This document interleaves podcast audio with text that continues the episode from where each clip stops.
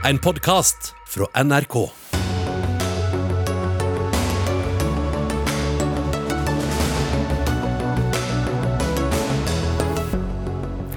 Høyre vil innføre en gyllen regel for politiet, med flere politifolk på veiene og færre sentralt. Har ingen tro på at det vil styrke politiet i distriktene, svarer Marit Arnstad. Mustafa Hassan vant i tingretten mot Utlendingsnemnda. Tingretten mener myndighetene ikke har lagt nok vekt på hans tilknytning til Norge. NRK har fjernet episoder med helt ram i Tokyo pga. stigmatiserende innhold. Det er opp til enhver hva man blir krenket av. Det betyr ikke at NRK skal fjerne humor, sier en som mener det gjør kampen mot rasisme vanskeligere. Og FrPs eh, Christian Tybring-Gjedde mener Arbeiderpartiet har snudd i spørsmålet om norske styrker til Mali. Det er fullstendig feil, svarer Anniken Huitfeldt. Ja, velkommen til Dagsnytt 18 denne torsdagen. Jeg heter Anne Katrine Førli. Vi skal starte med valgkampen, for i dag besøkte Høyre-leder og statsminister Erna Solberg Trøndelag, der regjeringens nærpolitireform er sterkt omstridt. Hun hadde med seg det hun sier er et nytt løfte til velgerne og norsk politi, nemlig en regel om at veksten i politiårsverk skal være dobbelt så høy på gulvet og på veiene som i de sentrale enhetene og i ledelsen. Og Monica Mæland, justis- og beredskapsminister. Du avbrøt ferien i dag for å være med på å legge fram disse planene.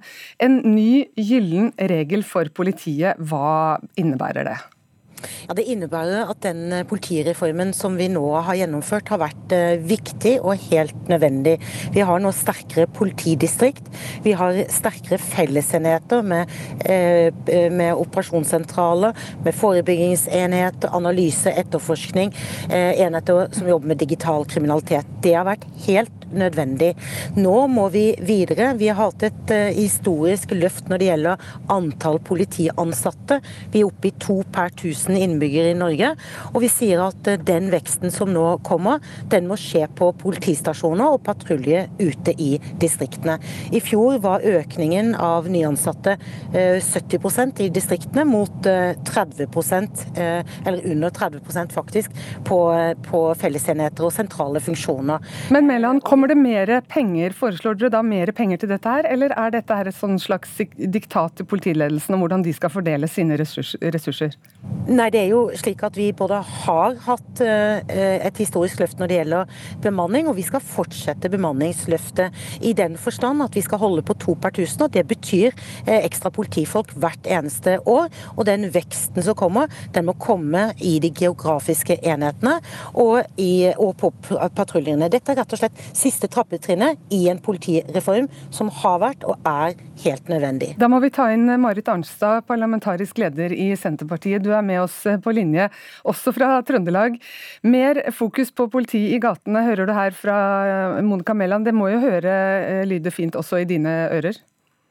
Altså, det er jo helt nødvendig selvsagt, å flytte ressurser fra saksbehandling og til operativt politi. Men dette vil jo ikke reparere den sterke sentraliseringa som vi nå har sett av politiet gjennom mange år, med Høyre i regjering. Nå er jo statsministeren og justisministeren i Trøndelag, så det passer å ta noen eksempler derifra.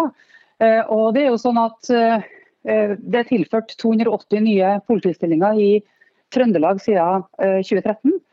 Eh, men det hjelper jo lite når bemanninga i Trondheim er økt med nesten 300. Og All vekst går til Trondheimsregionen.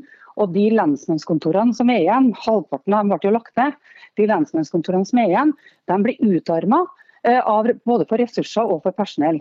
Det gjelder også bl.a. det lensmannskontoret som statsministeren og justisministeren besøkte i dag, nemlig Verdal, som har mista en fjerdedel av sine årsverk i løpet av de siste fire årene. Ja, Senterpartiet går jo til valg på å, å, endre politireformen da, som ble innført.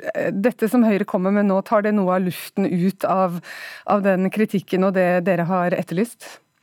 Nei, altså Det Høyre tror eh, antagelig er nok at du kan reparere sentraliseringa ved å tilføre penger til distriktene uten å styre det. Men når over halvparten av dem som er ansatt i politiet i Trøndelag er i Trondheim, så er det fortsatt en sterk indre sentralisering. Og Et politi på hjul kommer heller ikke til å løse noe når det gjelder spørsmål om lokalkunnskap, lokal tilstedeværelse og også forebygging, som Senterpartiet syns er veldig viktig for politiet sin del. Vi skal ta med oss Unn, Unn Alma Skatvold, også nestleder i Politiets eh, Fellesforbund. Eh, hva er din reaksjon på disse løftene som kom fra regjeringen i dag? Jo, jeg ser jo det som en naturlig oppfølging av eh, politireformen for å sluttreføre den. Vi har hatt en evaluering underveis og en sluttevaluering som viste nemlig det at denne sentraliseringa som både Arnstad og egentlig Mæland er inne på, har gått på bekostning av det lokale nærpolitiet. Og Det har vi vært tydelige på helt fra starten av, eh, at det ikke var nok ressurser til å styrke begge delene. Og Så kom det en stortingsmelding i fjor eh, om fremtidens politi, og der går også regjeringa ganske langt i å si at det her faktisk har gått, altså den styrkinga sentralt har gått på bekostning av det lokale nærpolitiet. Så, så det her tenker jeg er en naturlig oppfølging for å bringe politireformen eh, i mål, og det må til. Ellers så har vi ikke nådd intensjonene eh, sånn som det ble lagt fram den gangen det ble bestemt. Ja, hva slags konsekvenser har denne reformen hatt for eh, politiets arbeid med å forebygge kriminalitet? Ja, det blir jo fort til, da, litt sånn som også Arnstad er inne på, at når man styrer ressursene veldig sentralt, og man måles på responstid, man måles jo på de akutte oppdragene, så vet vi at eh, i spesielle kjernetider rundt byene, så, så blir politibilene liggende i nærheten, og da er det mest sjanse for at ting skal skje, eh, istedenfor å kjøre ut og være ute i distriktene, for da risikerer man at man er for langt unna eh, hvis, det, hvis det er et eller annet alvorlig som skjer i et tettsted eller en by. Eh, så det får vi veldig mye tilbakemeldinger på at det er en, en årsak. Eh, og det går på bekostning av det forebyggende arbeidet og det å være til stede der som folk er og ønsker å se oss. Ja, Monica Melland, Hvorfor kunne dere ikke gjennomført dette her litt tidligere, så hadde dere sluppet unna mange av disse diskusjonene som vi har hatt bl.a. i dette studio, og mye kritikk dere har fått da, om at politiet er blitt kraftig sentralisert den siste tiden? Nei, det var helt nødvendig å gjøre endringer. De har vært eh, krevende og smertefulle, og det var helt nødvendig å sentralisere, som Marit Arnstad kaller det. Der vi er eh, grunnleggende uenige med Senterpartiet, det er at de skal bruke nå krefter og ressurser på å reversere reformen. Det er å skru klokka tilbake. Og det Marit Arnstad kaller sentralisering og saksbehandling, hva er det? Jo, det er fellesenheter. Om man har kontoradresse Trondheim, så jobber man med analyse, med etterforskning, med felles straffesaksinntak. Vi har laget eh, eh, sentre for kriminalitetsutsatte. Vi har Sara-kontakter som jobber med vold i nære relasjoner. Vi har eh, personer som jobber med forebygging. Dette dette er fellesenheter som er helt nødvendig, så du kan ikke gjøre det ene eller det andre. Men disse enhetene ønsker altså Marit Arnstad og Senterpartiet å bygge ned. Det er ikke svaret. Det vi må gjøre er å bygge opp politistasjoner og patruljer. Vi har vist nå gjennom et historisk løft i fjor på 400 ekstra politifolk, som når koronasituasjonen er over, skal tilføres distriktene. Og eh, vi sier i dag at den gylne regelen er at det skal være dobbelt så, mange, eh, dobbelt så stor vekst ute som inne.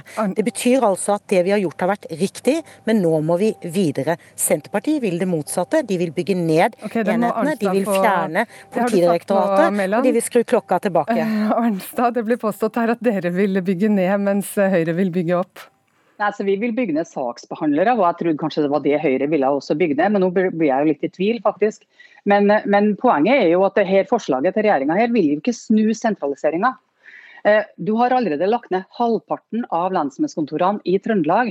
Og den resterende halvparten som fortsatt eksisterer, den blir utarma. En rekke av dem er nå blitt så sårbare pga. manglende ressurser og personell at de står i fare for å bli nedlagt. Eh, og Det er jo det løftet Høyre har brutt, og som de nå heller ikke gir på nytt. Nemlig at du skal styrke de gjenværende polititjenestestedene. Eh, våre naboland har gjennomført den samme sentraliseringa som det Høyre har gjort innenfor politiet, og nå snur de.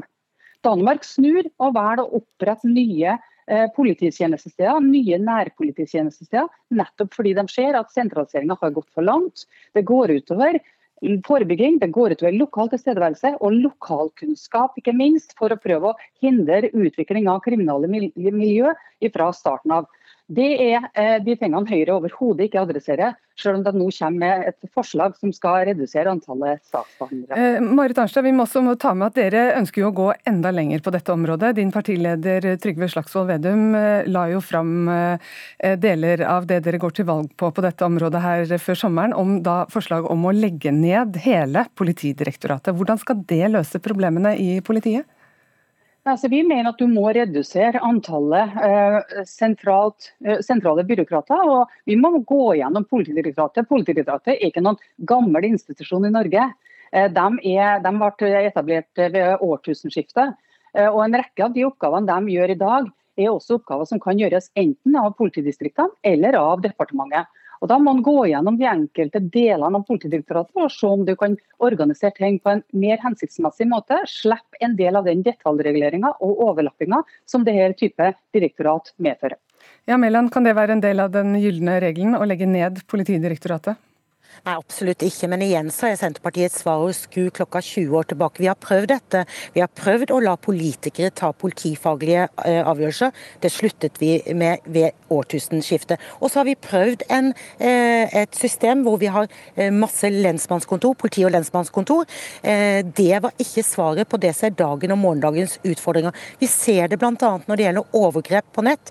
Antall anmeldelser er doblet. Antall overgrep mot barn skyter i været være. Denne type kriminalitet er den nye organiseringen, de nye politidistriktene, i stand til å møte.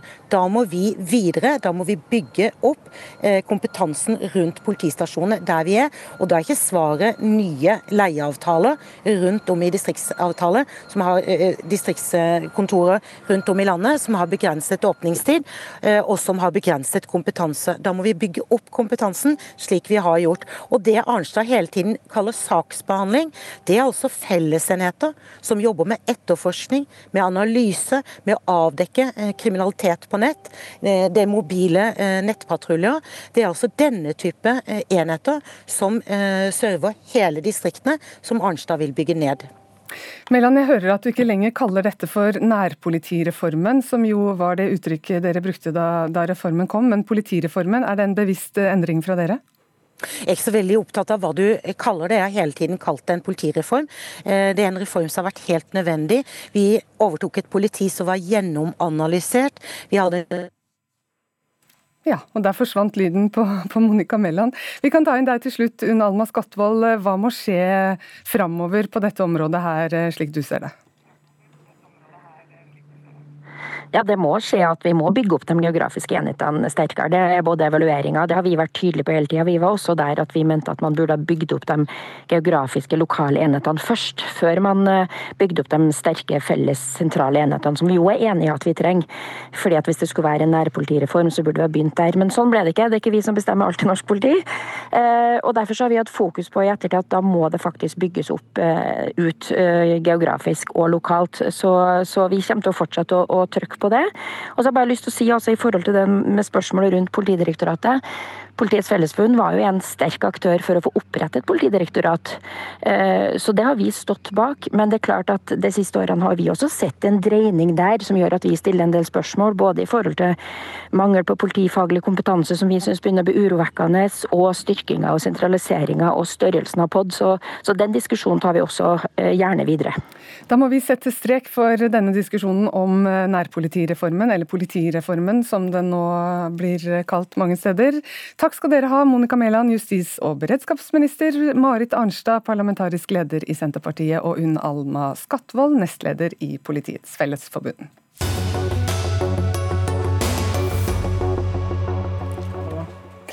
I dag kom nyheten om at 19 år gamle Mustafa Hassan vant sin sak i tingretten mot Utlendingsnemnda.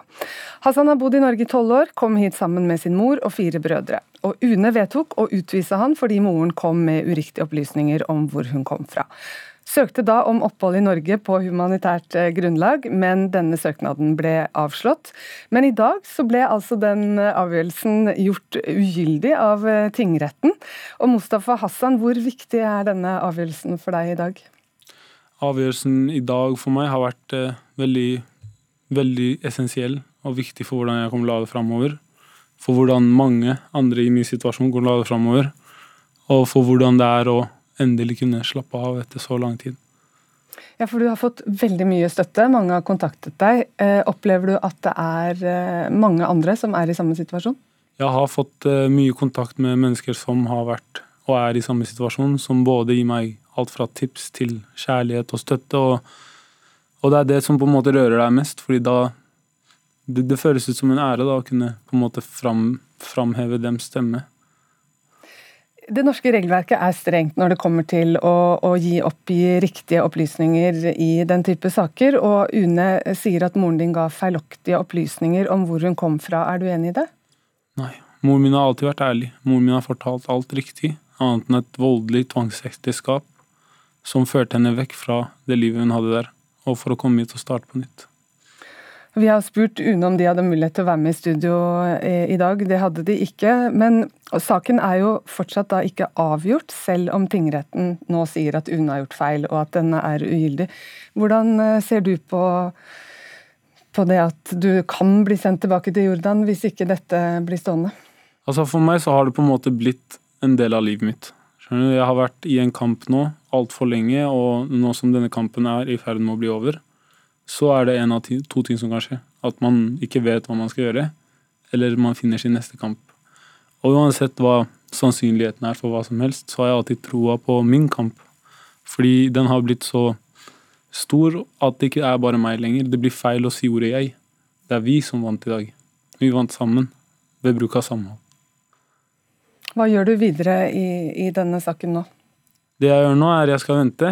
Uh, UNE må fatte et nytt vedtak, og jeg, jeg, kan ikke se for meg at de har tenkt å anke heller. Jeg håper ikke det, men det er som sagt, jeg er veldig stolt og glad for at de har den muligheten til å anke eller gjøre hva de vil, fordi det hadde ikke jeg. Og det er grunnen for at jeg er her i dag, fordi den muligheten hadde ikke jeg. Og jeg vil ikke at det skal bli tatt fra dem, men jeg vil bare at de skal forstå at nok er nok. Og din tilknytning til Norge, den er sterk, det ble slått fast? Ifølge dommeren, ja. Takk for at du kom hit i studio, Mustafa Hassan. Vi skal ha med oss også Frøy Gudbrandsen, som er ansvarlig redaktør i Bergens Tidende. For du har fulgt denne saken tett eh, lenge nå. Er du overrasket over vedtaket som kom i tingretten i dag? Eh, jeg har vel fulgt eh, denne type saker først og fremst tett i en del år. Og jeg er litt overraska, ja. Fordi at det som er eller eh, Man vet jo aldri hva som skjer helt i tingretten, sånn at det, eh, det er litt åpent ofte der. Men eh, det som skjedde, er jo at de slo ganske tydelig fast at tilknytningen hans til Norge som han opparbeida seg som barn, den skal ha stor betydning også selv om han har fylt 18 år. Og der ligger det noe, noe nytt som kan ha betydning for flere. Så jeg var nok litt overraska, ja. Så i det vedtaket så er det den ene delen går jo på at de har gjort en feilvurdering når det gjelder det vurderingene de har gjort knytta til eh, eh, sterke menneskelige hensyn. Og så gjelder dette her, eh, så er de rett og slett uenig i hvordan UNE har vurdert dette med tilknytningen til Norge etter, man har, blitt, etter at man har fylt 18 år. Ja, Det at de har vært så tydelige på dette med tilknytningen til Norge, ser du på det som et, nesten som et linjeskift? Det er i hvert fall Altså de baserer, tingretten baserer seg jo på en høyesterettsdom, så det er jo ikke noe sånn, det er jo ikke noe de har funnet på helt, noe helt nytt de har funnet på. Men ja, hvis det er sånn at, at, dette får følger for flere, og at tilknytningen, tilknytningen man opparbeida seg som barn, skal ha liksom avgjørende betydning også for de som har fylt 18 år og som har blitt voksne, så kan det tror jeg, ha betydning for en del andre saker. Nå er det jo færre av denne type saker i Norge enn det det var for noen år siden. fordi det har vært en del liberaliseringer av regelverket tidligere. og eh, det har um, sånn at eh, det har nok kanskje mindre betydning nå enn det det ville hatt på noen år siden. Men, men, eh, det har jo vært litt sånn at hvis du først har blitt 18 år så, og uten, uh, uten lovlig opphold i Norge, så har du liksom ikke hatt noen sjanse. Um, og Derfor så tenker jeg at her er det noe uh, ja, det er, det er, noe litt nytt og bitte litt overraskende hvis dette blir stående. da. Og Det har vært eh, et enormt engasjement rundt akkurat eh, denne saken. her. Hva er det med saken til Mustafa Hassan her som gjør at eh, folk engasjerer seg? Nei, det er, det er, kanskje ikke noe spesielt med akkurat hans sak. fordi at eh, Gjennom årene så har det vært mange eh, saker der eh, nabolag, skoler, hele lokalmiljøer og byer har engasjert seg i sakene til barn og ungdom. Og det er ikke så rart, for hvis det er noen som man har blitt glad i, som man ser på som en del av miljøet, som man tenker er, har akkurat samme tilknytning og akkurat samme eh, ja, tilhørighet til Norge som en sjøl, og så får man høre at de ikke skal få være i landet lenger, at de skal bli sendt ut. Eh, det er ikke så veldig rart at man reagerer på det, og for mange så det, eh, bryter det liksom helt med synet på, på lov og rett, rett og slett, når man opplever noe sånt. Så det har man sett gang på gang på gang, og i Bergen så hadde vi jo for mange år siden Nathan-saken, da liksom hele byen var støtta, støtta, han. Så Det er nok ikke noe helt unikt med hans sak når det gjelder engasjementet, men det har vært noen år siden sist vi hadde den type saker. Og Jeg syns det er veldig forståelig at man, eh, at man ønsker at eh, en ungdom som man kjenner skal få lov til å bli i Norge. Hvis vi ser på, på, veien videre nå, da. Kan UNE anke avgjørelsen? Hva, hva er sannsynlig at skjer videre nå? Altså, de kan anke, og, så, eh, og hvis ikke de gjør det, så må de uansett fatte et uh, nytt vedtak. Og det vedtaket som de fatter, det kan være at han får opphold, eller de kan, uh, eller de kan fatte et nytt vedtak om at han ikke får opphold. Sånn at, men jeg tenker at dette er jo, dette er jo ikke avgjort. Men det er klart, sammenlignet med i går, så er det jo for Mustafa en definitivt en, si, en positiv utvikling. Men Eh, det har nok eh, dessverre vært en del tilfeller før der folk har vunnet fram i tingretten, eh, der det likevel har endt med at de har måttet forlate landet. Så denne saken er ikke, er ikke avgjort. Det har vært litt vanskelig for noen fra regjeringen blant annet, og regjeringspartiet Høyre til å, å, stille på denne saken i dag. Hvorfor er saken så vanskelig for, for regjeringen, tror du? Altså, jeg vet ikke om den er så veldig vanskelig for regjeringen, egentlig, men det er jo en enkeltsak. Eh, og, og, egentlig så viser jo, Nå har jo han vunnet frem i tingretten eh, i dag, og den viser jo kanskje at regelverket er eh, det de ofte viser til, er at dette er jo at regelverket er greit nok sånn som det er. Men altså, de største partiene i Norge, det politiske flertallet, har vel egentlig ikke noe interesse av å løfte en asyldebatt eller en innvandringsdebatt akkurat nå. Og det er det er jo de minste partiene tradisjonelt, eh, særlig Venstre og SV, som har vært opptatt av denne type saker. Og de store partiene er jo ikke noe gira på liksom, å løfte altså, eh, Det å liberalisere innvandringspolitikken tror jeg akkurat nå, det er ikke en sak som de har interesse av skal bli en sak i valgkampen. Takk skal du ha, Frøy Gulbrandsen, ansvarlig redaktør i Bergenstidene, og Mustafa Hassan.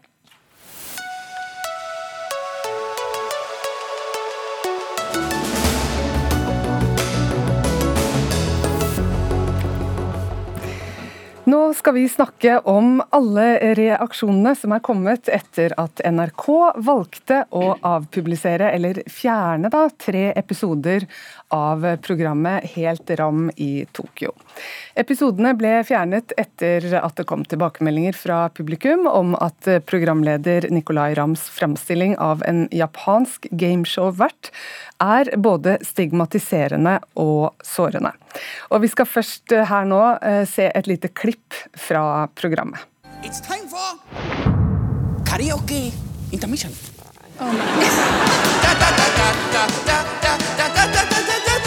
like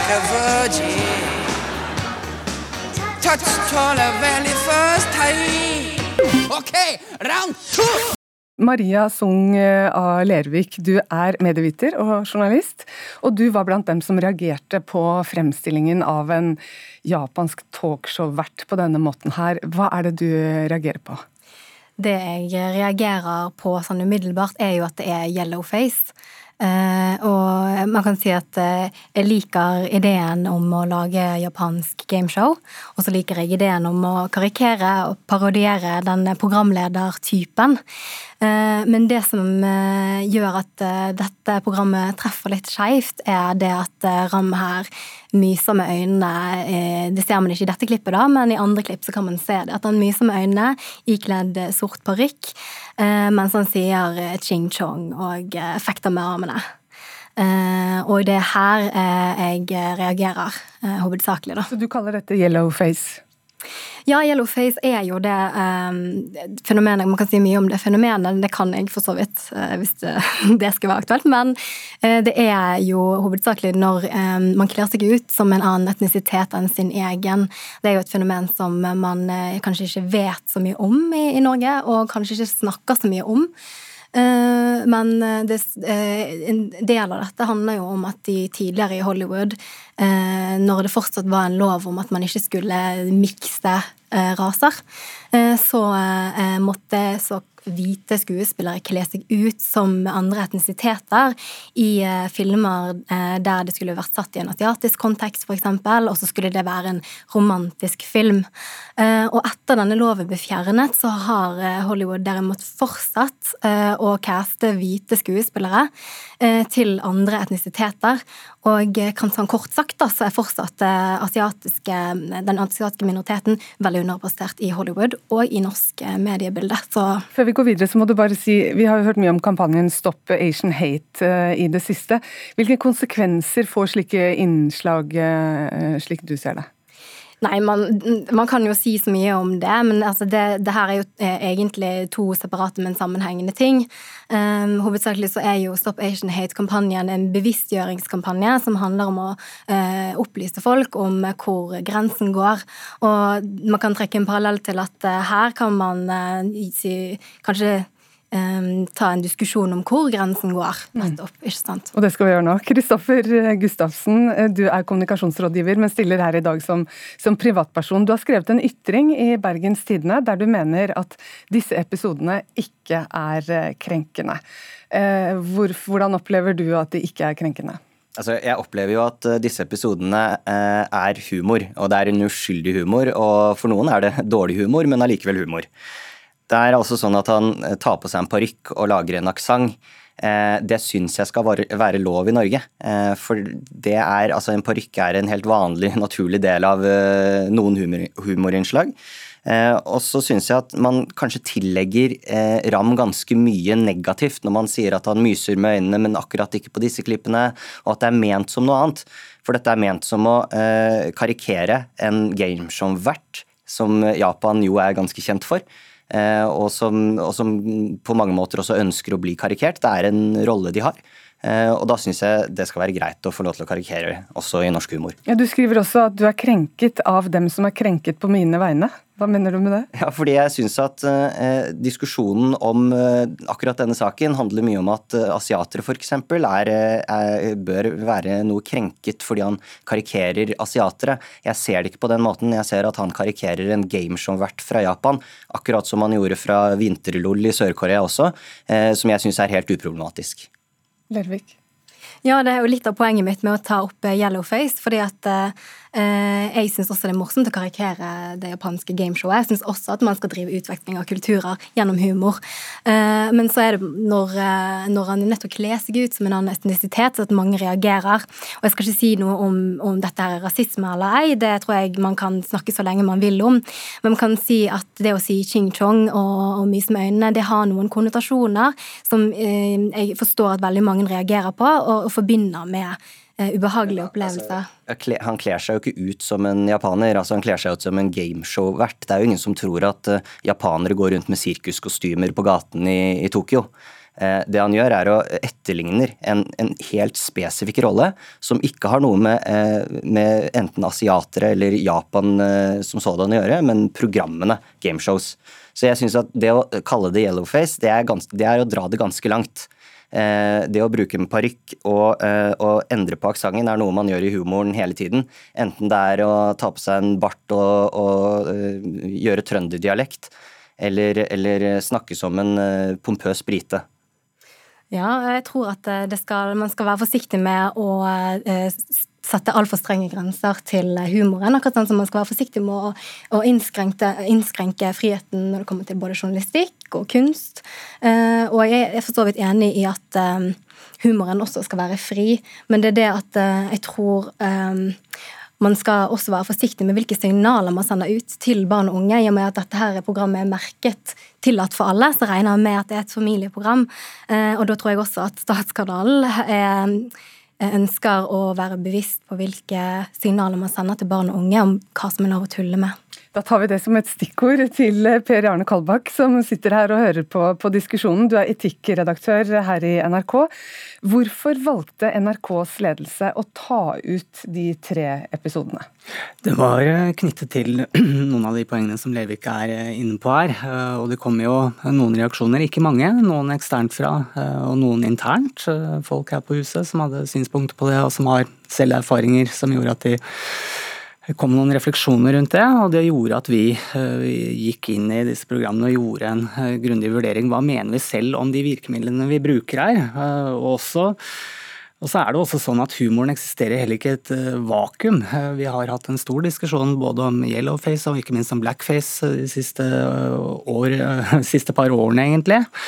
Og vi konkluderte med, eh, som redaktør da vi gikk gjennom det, at her syns vi ikke at vi har vært bevisst nok i vår bruk av virkemidler. Som det sies. Det er jo sånn, og det kan absolutt tenkes satiriske sammenhenger hvor Blackface, yellowface, kan brukes som en satirisk virkemiddel for å få fram et poeng. Men dette er familieunderholdning. Eh, det er ment som en parodi på et japansk gameshow, og vi mente heller ikke at det var riktig å bruke de virkemidlene i karakteren som i sum gjorde at dette bikket over en grense, og derfor valgte vi å avpublisere. Ja, for Gustavsen, du reagerer på at NRK har fjernet disse tre episodene. Hvorfor var det galt å ta dem bort? Nei, Først og fremst så er det jo veldig inkonsekvent av NRK. da. Eh, man, eh, man, har jo da eh, tekstforfattere, man har redaktører, man har komikere som da har godkjent dette. Og som en gang det blir litt medieoppmerksomhet, så gjør man en U-sving. Og, og, bruker det sterkeste virkemidlet man har, altså fjerne hele tre episoder av dette. Jeg mener jo at man ikke skal fjerne det av mange grunner. Først og fremst fordi jeg mener man ikke skal la noen sterke stemmer få definere hva humor er på NRK. Men desto viktigere er jo å ha diskusjon rundt hva som er grei humor og hva som ikke er grei humor. Og det er helt umulig å diskutere når NRK fjerner episodene. Det vi sitter her og diskuterer, er noen klipp som ytterst få mennesker har sett. Og det er NRKs skyld at ikke vi får den diskusjonen når man velger å ta det vekk. Ja, Kalbakk, burde ikke dette programmet blitt liggende ute nå, sånn at vi kan ha denne debatten da folk vet hva det er som kritiseres og, og snakkes om, så vi vet hva som kan aksepteres og, og ikke. Ja, men fra et redaktørståsted så syns jeg det blir en litt vanskelig eh, standpunkt å ha. Fordi det handler om det å ha utøve et redaktøransvar. Det handler om å publisere ting, ta ansvar for å publisere ting. Men noen ganger handler det også om å ta ansvar for at nei, dette publiserer vi faktisk ikke. Eh, det er også en redaktøravgjørelse. Og noen ganger, ikke ofte, så kan det også handle om at vet du hva, her bomma vi, og her er det noen ting som vi mener blir feil å la liggende ute. Eh, og det, En ting er hvis det er undersøkende journalistikk hvor vi har gjort en alvorlig feil. Ja, da får vi legge inn en merknad om det i saken og være ærlig med det. Men det å la, la sketsjer ligge uten noen spesiell kontekst eh, bare for at den debatten skal få gå litt, den går jo ganske friskt og godt allerede. Så, så det Men Kalbakk, du har tidligere vært opptatt av at vi ikke skal endre på fortiden og, og det som mm. har vært. Og, og, og denne ble jo opprinnelig lagd eh, lenge før vi kom inn i denne diskusjonen. Ehm, nå har du valgt en litt annen strategi her? Ja, men nå er det jo uh, sånn at uh, ja, disse programmene ble vel spilt inn i 2019. Uh, men de ble jo vurdert av redaksjonen og redaktør nå i vår, selvfølgelig, før de skulle publiseres. Og som de selv har sagt, de syns ikke de gjorde en god nok vurdering. Og da, da gjorde vi altså den, den, nye runden. Så må jeg bare si én ting. Det er ikke pga. at noen reagerer, at noen føler seg krenket at vi sa at nei, da må vi avpublisere. Altså, det er folk som reagerer, føler seg såret, krenket av ting vi gjør i humor andre steder hver eneste uke. Jeg har stått i de diskusjonene mange ganger. Men det blir litt annerledes når vi går inn i reaksjonene og så ser vi på programmet og så finner vi ut ja, vi er faktisk enige i argumentene deres. Ja, så Da ville jo jeg som NRK eh, i hvert fall brukt litt mer tid eh, da man vurderte det første gang. Eh, for det er veldig rart å gjøre en kjempeutsving nå. Også hvis, også hvis NRK nå mener at dette programmet det blir feil, Allikevel så ligger det altså episoder av Nicolay Ramm på Vinterlol med akkurat de samme virkemidlene. Så dette er veldig inkonsekvent uh, fra NRK. Hvis man fjerner det ene og mener det er feil, så kan man ikke la det andre ligge ute og mene at det er greit. For hvis det er på kanten, så må man også fjerne det andre. Nei, jeg mener det blir en forskjell der. For én ting er ting vi har publisert i tidligere tider. og Hvis vi skal begynne å gå gjennom hele TV-arkivet vårt, jeg tror det er 170 000 eh, programmer eller noe sånt, da finner du mye rart eh, av framstilling av andre folkeslag, av kvinner, av, eh, av, det meste, egentlig. Og det må kunne ligge der. Ikke som noe vi løfter fram, men som faktisk eksisterer, og som kan tas fram og diskuteres. Mens dette var en publisering vi var så vidt i gang med, som det var knytta mye promotering til og som skulle være et familietilbud gjennom OL. Og da gjorde vi en uh, vurdering rundt det vi skal publisere nå. Ja, jeg bare reagerer på at Man har vurdert dette i 2018, man har vurdert dette i 2019, og alle vurderingene har vært de samme, utenom da det ble litt medieoppmerksomhet rundt det. Vi må høre med deg også, Lervik. For i en ytring på Medie24 så skriver du at at NRK fjernet Gameshow-episodene, det er irrelevant for spørsmålet om episodenes innhold er problematisk eller ikke. Hva tenker du om at det er fjernet? Eh, jeg liker veldig godt argumentasjonen du kommer med der. Jeg er faktisk helt enig. Eh, og så tenker jeg i hovedsak at eh, det Altså det om, at man ikke bør fjerne den? Ja, det at det her burde heller vært vurderinger som man gjorde i forkant når man først har publisert noe. Med mindre det er faktafeil der, så tenker jeg at da får man heller stå for det man har publisert. Og så får man heller forklare hvorfor man publiserte det man publiserte. Eh, og så får man heller ta det med seg til, eh, til fremtidige programmer. Eh, det sagt så applauderer jeg NRK for å virke til å ta kritikken på alvor. Og så håper jeg at det tas med videre i fremtidige humorprogram. Så vil jeg bare si noe om humor som sjanger, fordi grunnen til at jeg reagerer på dette programmet, og ikke nødvendigvis filmer eller dokumentarer eller leserinnlegg som eh, handler om samme tematikken, er at eh, man har en tendens til å undervurdere humorsjangeren, eh, og hvor mye man påvirkes av nettopp den sjangeren. For til forskjell fra når man ser på dokumentarer eller leser et leserinnlegg, så har man ikke det kritiske filteret når man ser på underholdning. Eh, og det her er når man senker garden sin, at man har en tendens til å la seg påvirke av det man ser, og tenke at sånn er det i virkeligheten også. Tiden vår for denne diskusjonen er dessverre over, men helt til slutt, Per Arne Kalbakk. Altså Før jul i fjor så valgte Discovery å fjerne episoder fra eh, 'Nissene over skog og hei', som inneholdt en karakter med blackface. Og så etterpå, i etterkant, valgte de å republisere igjen. Kommer NRK til å gjøre det samme? Nei, Det er ikke noe vi har diskutert uh, denne uka her. Da gjenstår det å se. Takk for at dere kom i studio alle tre. Maria Sung eh, A. Lervik, Per Arne Kalbakk eh, og Kristoffer Gustavsen.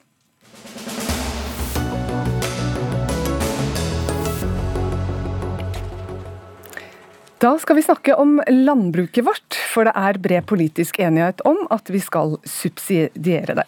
Senest i februar ble det overført 10,3 milliarder kroner til norske bønder.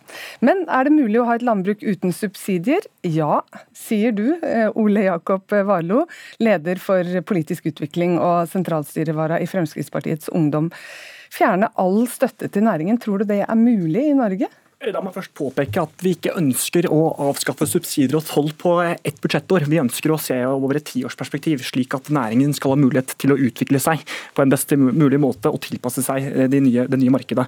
Eh, jeg mener at det er flere ting som taler mot at vi skal subsidiere denne næringen. For det første så er det absolutt ingen kausalitet som viser at økt toll, eh, økt subsidier, medfører også at det blir flere gårder. Vi så under åtte år med Senterpartiet, så var det 9000 000 landbruk som ble lagt ned. Det, da mener jeg heller man kan se på hva som har skjedd med fiskerinæringen. For fiskerinæringen uh, Men du, Før vi går til fiskerinæringen, hvis vi holder oss til landbruk. Ja. Du er ikke redd for konkurser, bønder som slutter, lavere norsk ja, matproduksjon og høyere ja. matvarepriser? Men Det er jo nettopp derfor jeg mener man må se på, se på fiskerinæringen. For fiskerinæringen, På starten av 2000-tallet så regulerte man, nei, deregulerte man markedet. og Da så man en ekspansiv vekst. Nå er jo den, den nest mest lønnsomme næringen etter petroleumsnæringen. De, de, de, produserer for 107 milliarder kroner. Nettopp fordi når man deregulerte markedet, så fikk man mer konkurranse. Man eksporterte ut til, til verdensmarkedet. Så hvis du skal svare på spørsmålet ja. mitt, så er du ikke redd for høyere matvarepriser? Nei, overhodet ikke. fordi når, hvis, når, hvis, vi avskaffer landbrukssubsidiene over, over, en tiårsperiode, så vil også det medføre at det blir fri konkurranse, og fri konkurranse medfører også lavere priser. Sånn fungerer markedsøkonomien. Ja, dette vil uh, rasere landbruket, sier dere, Torleik Svelle, leder i, i Senterungdommen. Ja, vær med på å kutte litt i subsidiene? Nei. Dette her vil få enorme konsekvenser både for bønder, for norsk matproduksjon og ikke minst for det levende landet vi i Norge har. Eh, nå har Frp de klarte seks år i regjering. Vi har sett tidenes sentralisering. Det har blitt lagt ned bruk. Og så har vi fått et bondeopprør på toppen av det, hvor bøndene nå er i fyr og flamme fordi det er nok, og det er slutt med å jobbe til luselønn. Men dere er ikke fornøyd. Dere er ikke fornøyd i det hele tatt. Dere har lyst til å fortsette sentraliseringa, fjerne subsidier, gjøre lønnsomheten enda dårligere, svekke norsk matproduksjon og svekke norsk trygghet. Men det finnes jo eksempler på bransjer som klarer seg uten subsidier også. Eh, kunne ikke landbruket også blitt pressa litt mer i den retningen, da? må huske på at Landbruket er under utvikling konstant hele tida. Det er kanskje en av de aller mest moderne næringene vi har, fordi det hele tida skjer innovasjon. Eh, og så er det sånn at det å ha et levende landbruk i Norge krever litt mer enn på flatbygdene i Nederland og flatbygdene i Danmark. Det er mye stein. Jeg sjøl plukka masse stein når jeg var ung, så det er ikke bare å så frø og begynne å høste. Eh, og Det gjør at det blir litt mer krevende. Vi har et høyinntektsland som gjør at det er litt vanskeligere å drive jordbruk her. Men vi leverer en helt superb kvalitet. Og vi holder et land ved like å bruke ressursene. Og det har en mye større verdi enn å kunne legge det ned. Er du ikke opptatt av kvaliteten her, Valo? Det er jo et veldig bra poeng. Vi er opptatt av kvalitet. Forbrukere, norske forbrukere ønsker kvalitet. De ønsker kortreist mat. De ønsker at dyrevelferden skal ivaretas. Og det er fullt mulig å gjennomføre selv om det er internasjonal konkurranse. For kan, da kan jo forbrukerne velge. Det er slik markedet fungerer. Jeg synes Senterungdommen har en veldig destruktiv, proteksjonistisk linje. Fordi de mener at dette vil rasere distriktene. Men det som er poenget, er at med hans politikk så ble jo det nærmest distriktene rasert. 9000 gårdsbruk ble lagt ned. Det viser statistikken. Det viser jo bare at Senterungdommen egentlig har null troverdighet, og det er en politisk pinocchio for dette temaet. Han skal få svare på det, men Valo, har du eksempler på ja. land som ja. klarer seg uten absolutt, å subsidiere, som kan sammenlignes det med Norge? New Zealand på 80-tallet de eh, deregulerte og avskaffet subsidier og toll. Nå er det en foregangsnasjon innenfor eh, eh, eksportmarkedet av landbruksprodukter. så Det viser at det er fullt mulig å, avskaffe subsidier og allikevel være, være, være top notch når det kommer til produksjon og eksport og import av landbruksprodukter. Svelle, kan vi se til New Zealand? Ja, altså jeg tror at landbruket hele veien leter rundt omkring. Mm. Eh, men så er det jo sånn at den regjeringa vi har nå, til New Mens Frp satt i regjering, tok jo bort en del støtte til f.eks. Jarlsberg, som gjorde at den ble ulønnsom å eksportere. Som gjør at norsk mjølk ikke lenger går til å eksportere Jarlsberg, fordi den var avhengig av den støtten. Eh, og så er det også sånn at Hvis vi på en måte fjerner tollmurene og fjerner subsidiene, så kommer det norske markedet til å bli overrent av billig antibiotika Norvegia og billig eh, biff fra flatmarkene i Europa. Og det kommer til å føre til dårligere mattrygghet, men det kommer også til å sette ca. 80 000 arbeidsplasser i fare, som er rundt omkring i hele landet. Jordbruket er på en måte selve bærebjelken i distriktene. Eh, og man kan godt si at én bonde sysselsetter kanskje i snitt tre personer, og da tror jeg kanskje at jeg underdriver litt. Eh, og det er en investering jeg har lyst til å ta. Hvis vi kan skape tre distriktsarbeidsplasser med å subsidiere så vi får én bonde til på bygda, så skaper det vekst, det skaper næringer, og det skaper optimisme, og det er ting som skjer. Ting som dere har rivd ned mens dere satt i regjering. Vi skal komme til det med import og en del av de tingene du snakker om der, men bare svare ut det med New Zealand. Hvorfor kan vi ikke sammenligne oss med dem? Nei, altså Som jeg nevnte, så er Norge et veldig sånn kronglete, steinete, bratt, vanskelig land hvor det er eh, krevende. Vi har korte sesonger, det er kaldt der på vinteren, eh, og korte på en måte vekstsesonger. Så det er krevende å produsere norsk mat i Norge. Eh, og jeg er helt sikker på at det er masse bønder som har lyst til å invitere deg med på å prøve litt.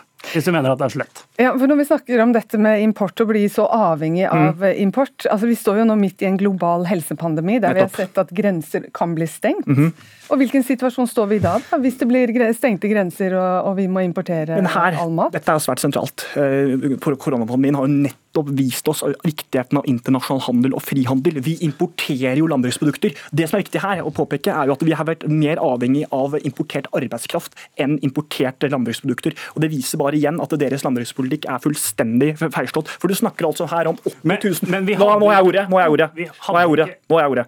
Tilfellet er følgende. Du snakker altså om 80 000 arbeidsplasser vil gå tapt. Det viser at du har ingen tro på næringen. Hvorfor tror du de vil, at man vil miste arbeidsplasser når man kan konkurrere mot det internasjonale markedet? Og der gir jeg si ordet til, eh, ønsker norske til Svelle. Da vil det fortsatt være tilbud i markedet. Nå er det Svelle som har fått ordet. Eh, jeg har ganske troa på norske bønder. Eh, men jeg tror òg at Norvegia til 29 kroner kiloen kommer til å utfordre en del norsk marked. Og jeg ønsker at vi skal kunne bygge ut norsk landbruk styrke det, styrke inntekta til bøndene, og at vi skal kunne spise norsk, trygg mat. Eh, og så er det også sånn at De store krisene rundt omkring i verden har nettopp vist oss at når det virkelig kniper, når det virkelig gjelder, så funker ikke verdensmarkedene lenger. Du kan se på finanskrisa, hva som skjedde med risprisen i Asia i 2008. Den var eksponentiell og skøyt i været på en sånn måte som gjør at vanlige folk ikke hadde råd til ris. Det var fordi at man kom i en krise. Jeg er helt sikker på at hvis du spør folk i Kina, spør folk i Taiwan om de har lyst til å produsere mer norsk, mer ris i de landene etter den krisa, så tror jeg svaret er ganske åpenbart. Fordi det er ingen verdensledere som med viten og vilje eksporterer mat når sin egen befolkning sulter. Og Det må vi ta inn over oss. Og Derfor så må vi kunne produsere norsk mat i Norge, så vi kan sikre en befolkning hvis det blir en krise. Det, ja, hvis jeg kan svare på det. Det må være to sekunder, for nå er tiden vår Vi har en av verdens lengste kystlinjer. Vi har fisk vi kan spise. Vi trenger ikke å importere mat hvis det eventuelt skulle være en krise. Men jeg mener at vi fortsatt bør fokusere på frihandel, fordi frihandel ja, gagner gjensidig avhengighet, og det har vi hørt, Valo. Tusen takk skal dere ha for at dere kom i studio. Jeg skjønner at denne debatten fortsetter. Ole Jakob Valo, leder for politisk utvikling i FpU, og Torleik Svelle, leder av Senterungdommen.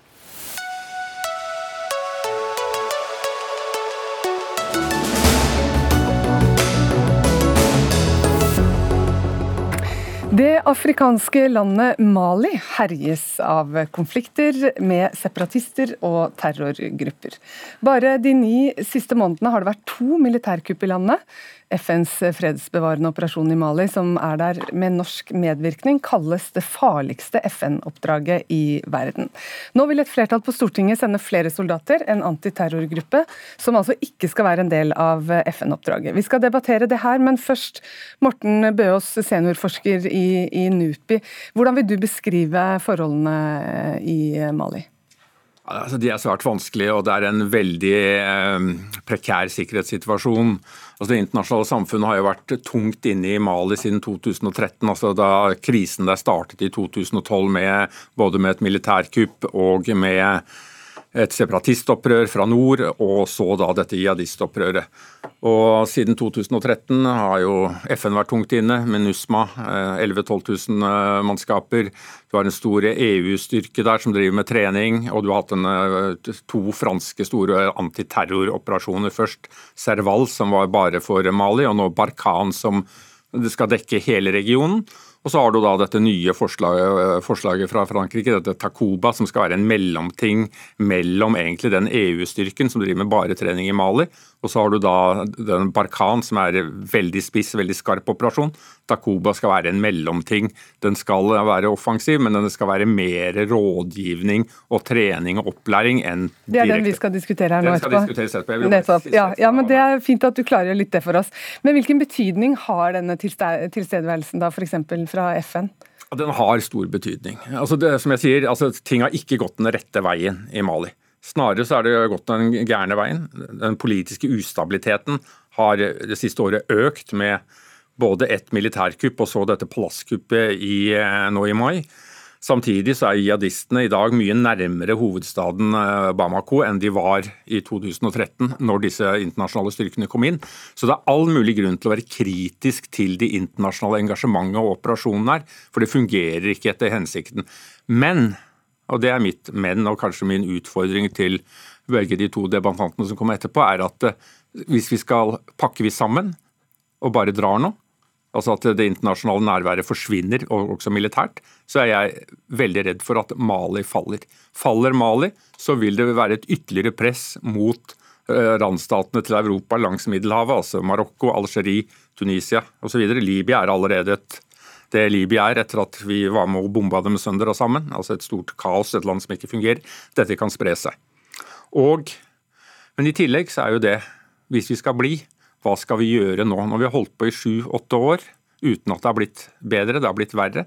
Vi må tenke nytt og kritisk om det internasjonale engasjementet som er der. Og en mulighet vil kanskje være at Norge kunne bidra til det som må antagelig til, og det at vi bør forhandle nå og ikke vente som vi gjorde i Afghanistan til det var for sent. Da tar vi de utfordringene direkte til politikerne. og Kanskje den første til deg, da, Christian Tybring-Edde, stortingsrepresentant for Frp og medlem av utenriks- og forsvarskomiteen. Du har jo tidligere sagt at Norge har ingen soldater å miste i, i Mali, eh, men du hørte en utfordring her. Det kan være vanskelig også å trekke seg ut. Da. Hvorfor skal vi ikke sende flere soldater til Mali, slik som et flertall på Stortinget vil? Fordi denne konflikten ikke løses eh, militært. Det hørte vi også Morten Buos sa. Det er, det er, ikke mulig å, å, krige seg til og bekjempe islamsk terrorisme og terrorister ved å bruke bl.a. norske styrker der nede. Vi burde eh, gjøre eventuelt forhandle sånn som eh, det blir foreslått. Men på samme tidspunkt som vi sender ned noen flere soldater, så planlegger Frankrike å trekke sine tilbake. 5000 soldater i, første del av 2022. Det kan man tro på eller ikke, men det Macron sier. Da er det lite musikalsk at vi sender styrker nå for å bygge opp den styrken som Frankrike bygger ned. Og så må du heller ikke glemme at Mali var en fransk koloni, og det er naturlig at eh, Frankrike tar et større ansvar der enn at eh, lille Norge fra nord gjør det. Bøs, vil du kommentere direkte på det? Ja, bare veldig kort. altså En er dette med det franske ansvaret. Jeg er helt enig med Christian om at øh, altså, Frankrike har som en tidligere kolonimakt et, spesifikt ansvar.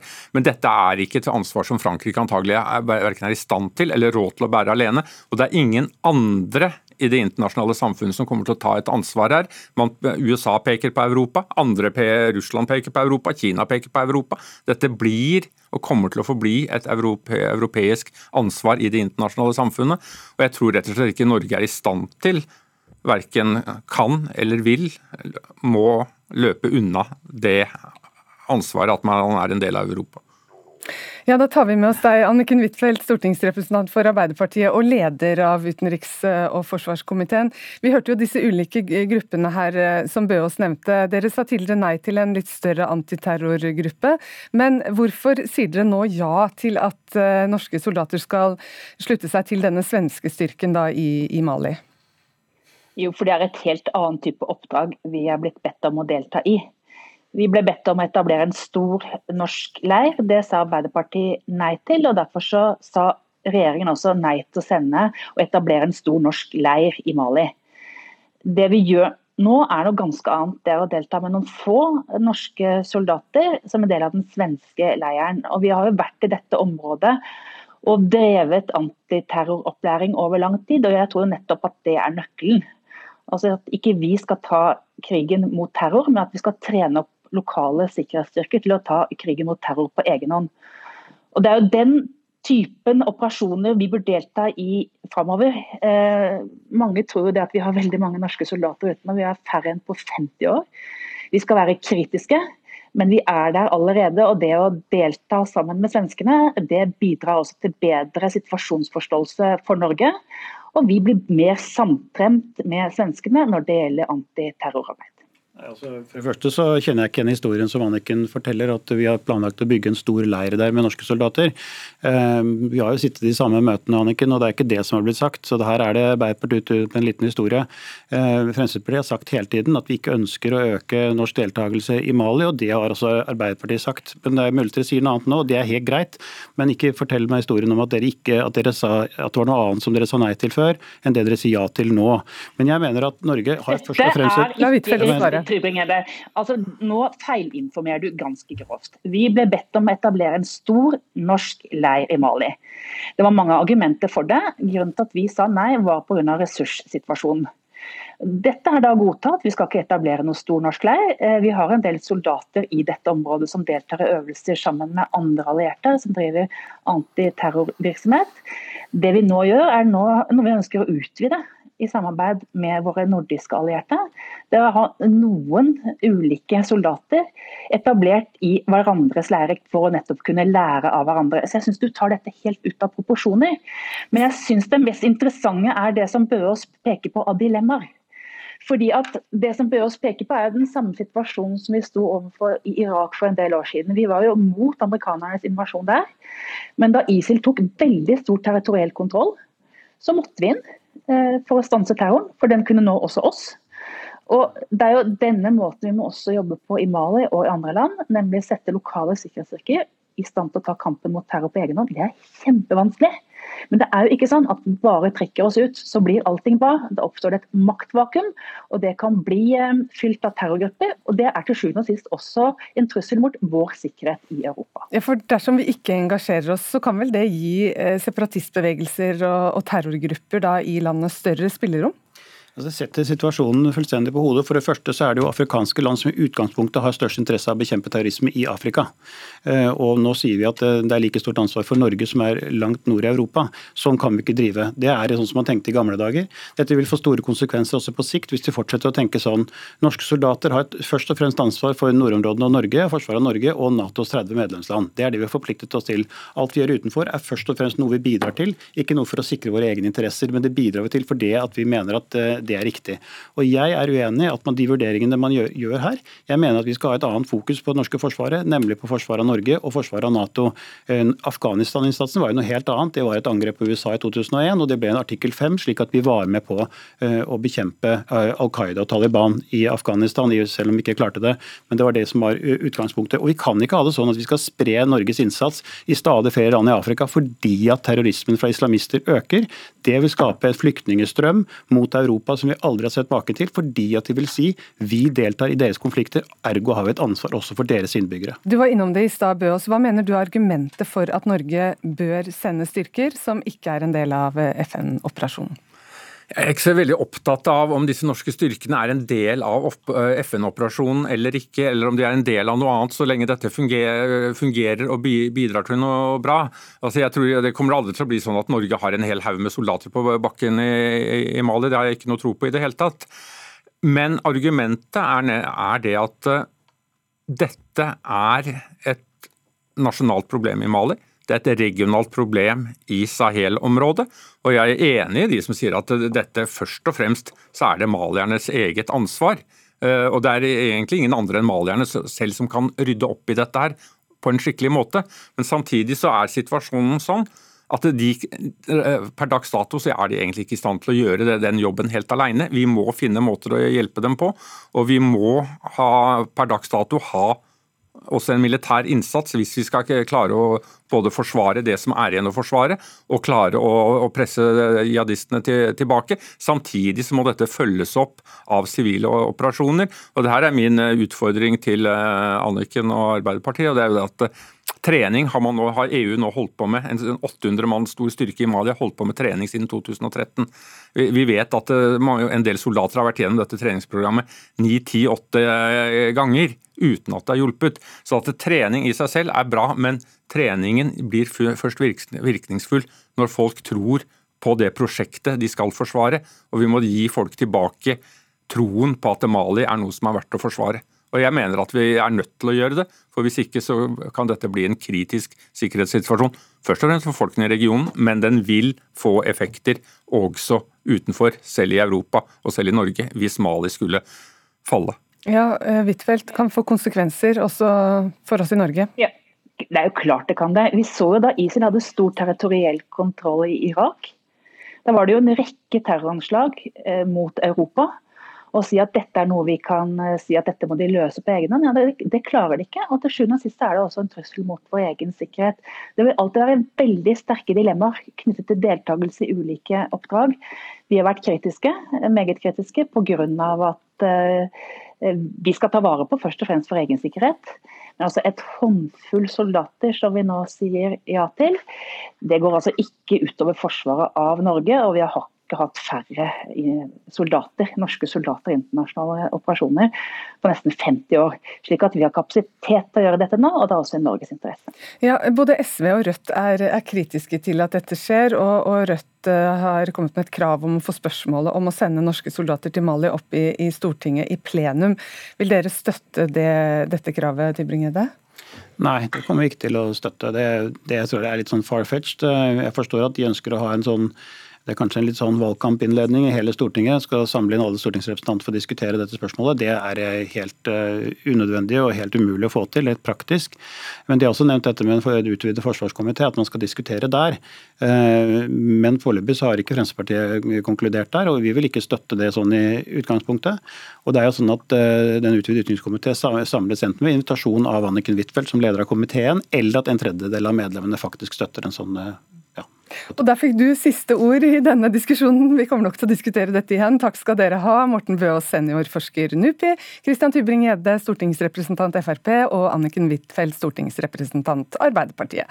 Denne sendingen eh, var slutt. Eh, ansvarlig for innholdet var Sara Victoria Rygg. Teknisk ansvarlig Ragnhild Bjørlykke, og i studio Anne Katrine Førli. Du har hørt en podkast fra NRK. Hør flere podkaster og din favorittkanal i appen NRK Radio.